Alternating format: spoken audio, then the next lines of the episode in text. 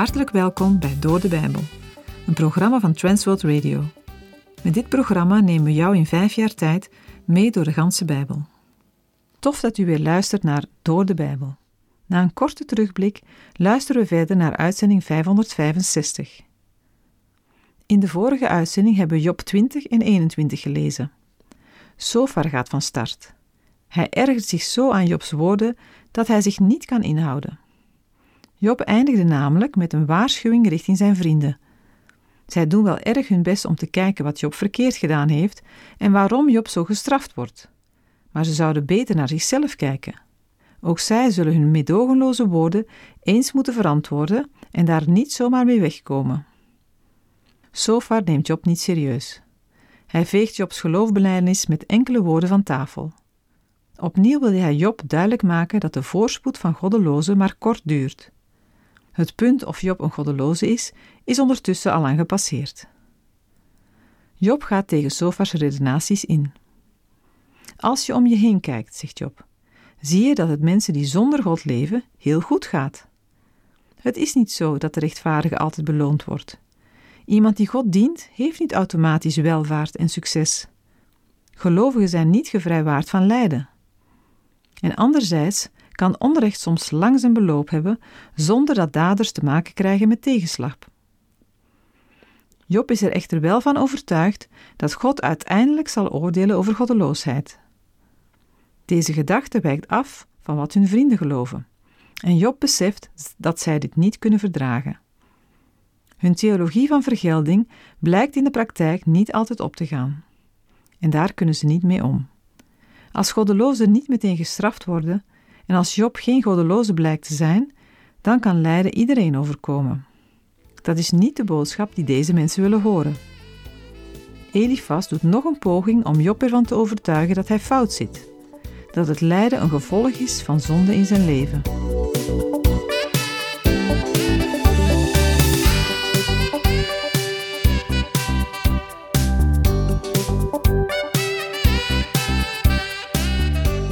Vandaag lezen we Job 22 en 23. Het is de derde keer dat de mannen in de arena treden om een intellectueel gevecht aan te gaan. In Job 22 neemt eerst Elifas het woord en doet een oproep tot bekering. Je zult je herinneren dat Elifas de man is die de opmerkelijke ervaring had. Hij had een vreemd en geheimzinnig gezicht gezien. Job 22, vers 1.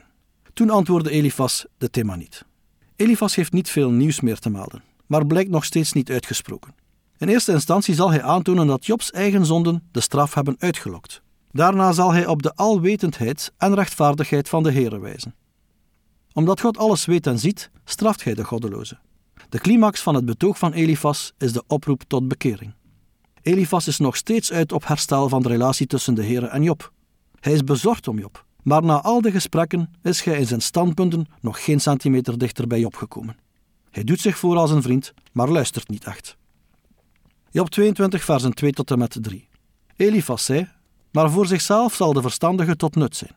Is het een vreugde voor de Almachtige dat jij rechtvaardig bent, of winst dat jij je wegen vervolmaakt? De aard van de vraag zelf laat zien dat iemand niet God van dienst kan zijn. Hij denkt dat Job doet alsof God enig voordeel uit zijn gedrag kan halen, en dat als God hem niet tegenhield, hij voor God te sterk zou worden, en dat God Job om deze reden terughoudt. Wel, Elifas zit ernaast.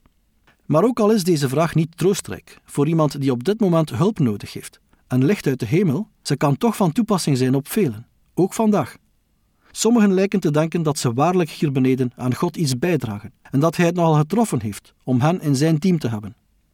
Ze lijken te denken dat, als ze naar de hemel gaan, de hemel werkelijk verbeterd zal worden om wie zij zijn. Jezus vertaalde in Lucas 17 een gelijkenis over dienen en hij besloot in vers 10 met de woorden: zo moet ook u, wanneer u gedaan hebt al wat u opgedragen is, zeggen: Wij zijn onnutte slaven, want wij hebben slechts gedaan wat wij moesten doen. Blijkbaar bespeuren de vrienden een klein kiertje in het harnas van Job. Over een paar hoofdstukken zal het in het oog springen en duidelijk zijn. Het probleem is dat ze niet echt een juiste diagnose van de man stellen, en ze kennen zeker de remedie niet. Zij zijn niet in staat hem te troosten en hem hulp te geven, zoals ze zouden moeten doen. Het feit dat Job staalt een rechtvaardig man te zijn, laat God niet met vreugde op en neer springen en zijn hoed in de lucht gooien. Ik denk dat er heel wat beleidende christenen zijn die zozeer op zichzelf en wie ze zijn steunen, dat ze in werkelijkheid niet op Christus vertrouwen. We moeten inzien wie we zijn. En we moeten onze volslagen afhankelijkheid van God inzien. We moeten naar Hem opzien, in plaats van te proberen Hem te imponeren met wie we zijn en wat we doen. Job 22, vers 4. Is het omdat je Godvrezend bent dat Hij je bestraft, dat Hij met je in het gerecht komt? In zijn eerste toespraak heeft Elifas nog Godvrezendheid gezien als iets wat bij Job aanwezig was. Maar nu gelooft hij daar niets meer van. Door zijn sarcastische manier van praten wil hij Job van het tegendeel overtuigen. Job 22, versen 5 tot en met 8. Is je slechtheid niet groot en zijn je ongerechtigheden niet eindeloos? Want je hebt zonder reden van je broeders een onderpand genomen en je hebt de kleding van naakten uitgetrokken. Aan de vermoeide gaf je geen water te drinken en je hebt de hongerige brood onthouden. Maar was er een man met macht, voor hem was het land en een aanzienlijk persoon woonde er. Elifas wil Job helpen bij het ontdekken van zijn zonden. Hij noemt keihard een aantal ernstige overtredingen waar Job zich mogelijk schuldig aan heeft gemaakt. Bewijs ervoor heeft hij echter niet, maar dat weerhoudt hem er niet van om te zeggen dat Jobs zonden eindeloos zijn. Hij heeft het eerst over een onrechtmatig nemen van een onderpand. Elifas beweert dat Job ook de kleding van noodlijdende vrienden heeft geëist, terwijl daar geen aanleiding voor was. Bovenop beweert Elifas dat Job de dorstige water heeft geweigerd en de hongerige geen brood heeft gegeven. Het is opmerkelijk dat Elifas met deze aanklacht op sociaal gebied komt. Net als Sofar haalt Elifas juist de sociale misstanden als de meest serieuze zonden aan. Job 22, versen 9 tot en met 11. Weduwen heb je met lege handen weggestuurd, en de armen van de wezen werden verbrijzeld. Daarom zijn er strikken rondom je, en word je plotseling door schrik overmand. Of zie je de duisternis niet en de vloed van water die je bedekt? Elifas geeft zich hierover aan iets heel gemeens. Helaas zijn er vandaag ook sommige christenen die zich aan hetzelfde soort gedrag overgeven. Toen deze tragedie Job trof, liet dat sommige mensen zeggen: Ik vraag me af wat er in zijn leven aan de hand is. Daar ze op niets konden wijzen, begon het geroddel. Mensen begonnen redenen te verzinnen. Het duurde niet lang voordat ze een heel verhaal bedacht hadden. Dat is precies wat Elifas doet. Elifas denkt dat hij beter Job maar alles kan noemen waaraan hij schuldig is. Hij raadt, omdat geen van deze dingen waar is. Het is puur geroddel. Maar, we zagen het al, zo'n behandeling kan niet helpen. Het duwt Job in het defensief. In plaats van Job ertoe te brengen God te verdedigen, leidt het Job ertoe zichzelf te verdedigen. Als Job overtuigd wordt dat hij niet schuldig is aan deze valse aanklachten, leidt het hem ertoe te denken dat God een fout moet gemaakt hebben en dat er bij God iets verkeerd zit. Deze beschuldigingen leiden Job tot dit soort verdediging. Job 22, vers 12. Is God niet in de hoge hemel? Zie toch de hoogste sterren, hoe verheven ze zijn. Elifas zegt zoiets als: Job, je hebt deze dingen gedaan alsof God je niet ziet. Maar God ziet je wel. Hoewel je dacht dat je ermee wegkwam, is het nu duidelijk dat je dat niet lukt. Job 22, versen 13 en 14. Maar jij zegt: Wat weet God ervan? Zou hij door de donkere wolken heen oordelen? De wolken zijn voor hem een schuilplaats, zodat hij niet ziet, en hij wandelt over de omtrek van de hemel. In de Bijbel wordt de Heer meermalen omringd door duisternis. Maar dat is om hem aan het oog van mensen te onttrekken, nooit andersom. En dat is wat Elifas Job in de mond wil leggen. Maar het is onwaarschijnlijk dat Job deze woorden heeft uitgesproken. Het is eerder mogelijk dat Elifas Jobs woorden over de voorspoed van de goddeloze verkeerd heeft geïnterpreteerd. Job 22, versen 15 tot en met 17. Blijf je je houden aan het eeuwenoude pad dat de onrechtvaardige mensen betreden hebben? Zij zijn uitgeroeid, terwijl het de tijd nog niet was. Een rivier is over hun fundament uitgestort. Zij zeggen tegen God: Wijk van ons. Wat zou de Almachtige voor hen doen? De houding die Elifas bij Job denkt te bespeuren, is de weg van het goddeloze voorgeslacht. Maar deze voorgangers verdienen geen navolging, want het zijn slechte mensen, mensen van wetteloosheid. Het is met hen niet goed afgelopen en ze stierven jong. Een ander beeld dat Elifas gebruikt is dat van het fundament van een huis dat door een vloedgolf wordt weggespoeld. Beide voorbeelden wijzen op een voortijdige dood, iets dat hier nadrukkelijk als een goddelijk oordeel wordt gezien. Job 22, versen 18 tot en met 20. Hij had immers hun huizen met het goede gevuld. Daarom is het voornemen van de goddelozen ver van mij. De rechtvaardigen zien het en verblijden zich, en de onschuldigen bespot hen.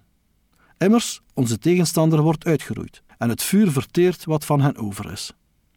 Elifas wijst Job erop dat God de goddelozen alles gegeven had. Dat had God ook met Jobs huis gedaan. Maar omdat de goddelozen hem niet in hun leven toelieten, heeft hij hun alles moeten ontnemen. Hoe kan Job dan zeggen dat hij niet deelt in het voornemen van de goddelozen, terwijl hij zo duidelijk een van hen is? Job 22, versen 21 en 22. Gewen je toch aan hem en heb vrede, daardoor zal het goede over je komen. Ontvang toch het onderricht uit zijn mond en leg zijn woorden in je hart. Elifas roept Job op om zich met God te verzoenen en om vrede met hem te sluiten. Dan pas zal het goede tot hem komen en zal hij rust krijgen. Dat is een prachtige, fantastische uitnodiging, maar het is niet van toepassing op Job. Job 22, vers 23. Als je je bekeert tot de Almachtige, zul je gebouwd worden. Doe het onrecht ver weg van je tent. Elifas en de andere vrienden blijven maar op één thema hameren.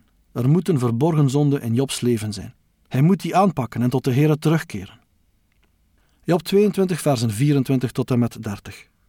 Laat het goud in het stof liggen, en het goud van Ophir bij de rots van de beken. Dan zal de Almachtige je goud zijn, en je schatten aan zilver. Ja, dan zul je vreugde scheppen in de Almachtige, en je zult je gezicht tot God opheffen. Je zult vurig tot hem bidden, en hij zal je verhoren, en je zult je geloften nakomen. Als je een zaak besluit, dan komt die voor je tot stand, en op je wegen zal het licht schijnen. Als ze iemand vernederen en je zegt omhoog, dan zal God degene die de ogen heeft neergeslagen verlossen. Hij zal zelfs degene bevrijden die niet onschuldig is. Die wordt bevrijd door de reinheid van jouw handen. Elifas zijn naam betekent mijn God is fijn goud. Hij wijst Job op de schat die hij zou moeten hebben in de Heere, die meer waard is dan goud of zilver. Elifas neemt aan dat de Heere zelf Jobs vijand is, maar God is Jobs vijand niet. Ook vandaag hebben veel mensen de gedachte dat de Heere hun vijand is. Maar de apostel Paulus schrijft in 2 Korinthe 5 versen 18 en 19 En dit alles is uit God, die ons met zichzelf verzoend heeft door Jezus Christus en ons de bediening van de verzoening gegeven heeft. God was het namelijk die in Christus de wereld met zichzelf verzoende en aan hen hun overtredingen niet toerekende. En hij heeft het woord van de verzoening in ons gelegd. Waarom zou Job zijn vertrouwen op de Heere moeten stellen? Elifas geeft aan dat Job zich dan weer in de Heere zal verheugen. Dan zal de blijdschap in zijn leven terugkeren en zal hij zonder schaamte met opgegeven hoofd tot de Heere kunnen naderen. Daarmee drukt Elifas uit dat Job als een onschuldige voor God kan verschijnen. Als er eenmaal vrede met God is, zal hij de schuld ook niet meer aanrekenen. Tot slot heeft Elifas nog een aantal opmerkingen. De Heere zal de hoogmoedigen vernederen en de nederigen redden. Impliciet klinkt hierin door dat Elifas Job hoogmoedig vindt. Daarom heeft Job al zijn ellende moeten meemaken. Maar er is ook voor Job nog hoop. Als hij zich voor de Heere vernedert, zal deze hem uit zijn ellende verlossen. Job 23, versen 1 tot en met 9. Maar Job antwoordde en zei: Ook vandaag is mijn klacht opstandigheid. Mijn hand drukt zwaar op mijn zuchten. Och, wist ik maar dat ik hem zou vinden, dan zou ik naar zijn woonplaats toekomen. Ik zou de rechtszaak voor zijn aangezicht uiteenzetten, en ik zou mijn mond vullen met mijn verdediging. Ik zou de woorden weten die hij mij zou antwoorden, en ik zou begrijpen wat hij tegen mij zou zeggen. Zou hij een rechtszaak tegen mij voeren met de grootheid van zijn kracht? Nee, maar hij zou acht op mij slaan. Daar zou een oprechte zich tegenover hem verdedigen, en ik zou voor altijd vrij zijn van mijn rechter. Maar zie, ga ik naar voren, dan is hij er niet, of naar achteren, dan merk ik hem niet op. Als hij aan de linkerkant werkt, aanschouw ik hem niet. Keert gij zich naar de rechterkant, dan zie ik hem niet. Job reageert op Elifas. In de eerste plaats geeft hij aan hoe moeilijk het is om voor hem te verschijnen. De Heere houdt zich afzijdig en daarom kan Job zijn klacht over het onrecht niet rechtstreeks aan hem voorleggen. Elifas had Job aangeraden zich tot God te keren. Job wil dat wel, maar weet niet hoe hij voor God kan verschijnen. Hij kan hem niet vinden. Job 23, vers 10. Maar hij kent de weg die ik ga. Laat hij mij beproeven. Ik zal er als goud uitkomen. In de ontmoeting met de Heere verwacht Job in het gelijk gesteld te worden, en als gevolg daarvan door zijn rechter te worden vrijgesproken. De reden dat God zich door Job niet laat vinden, is voor Job onduidelijk. Job 23, versen 11 tot en met 17. Mijn voet heeft zich aan zijn spoor gehouden. Aan zijn weg heb ik mij gehouden, ik ben er niet van afgeweken. Het gebod van zijn lippen heb ik niet weggedaan. De woorden van zijn mond heb ik verborgen, meer dan het mij toegewezen deel. Maar als hij tegen iemand is, wie zal er hem dan van afbrengen? Wat zijn ziel verlangt, dat zal hij doen. Want hij zal het mij toegewezen deel ten uitvoer brengen. Dergelijke dingen zijn er veel bij hem. Daarom word ik voor zijn aangezicht door schrik overmand. Ik merk het op en ben beangst voor hem. Want God heeft mijn hart week gemaakt. De Almachtige heeft mij schrik aangejaagd. Want niet door de duisternis ben ik omgebracht. en niet door de donkerheid die mij bedekt. Jobs antwoord zal nog doorgaan in hoofdstuk 24. Het zal wat langdradig worden. Elifas deed hem de uitnodiging zich tot God te wenden. Dus gaf Job uitdrukkingen aan zijn verlangen om God te vinden. Job kent hem als verlosser. Hij heeft hem zo genoemd. Maar hij begrijpt niet wat er met hem gebeurt. En hij heeft de troost, de hulp en het licht uit de hemel nodig, die niet van zijn vrienden komen. Elifas denkt dat er geheime zonde in Jobs leven aanwezig is, en hij heeft geprobeerd die op te sporen. Het effect dat dit op Job heeft gehad, en dat hebben we al aangegeven, is dat dit hem nog meer in het defensief heeft geduwd. In feite zorgt het ervoor dat hij nu een andere vraag stelt. Waarom is God zoveel eisend naar mij toe? Hij ziet klaarblijkelijk de daden van anderen die echte zondaars zijn door de vingers. Deze tendens van zijn argument zullen we opnieuw tegenkomen in hoofdstuk 24.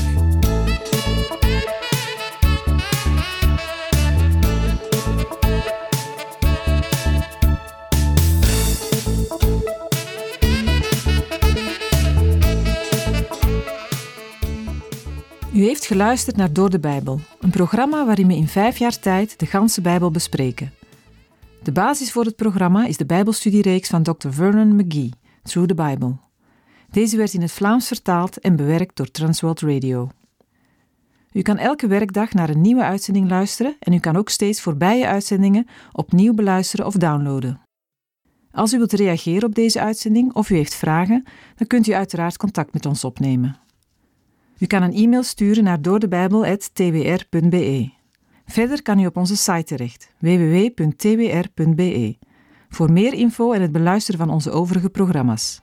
Dit programma werd gepresenteerd door Patrick Couchement en Anne Notenboom. Wij danken u voor het luisteren en graag tot een volgende keer.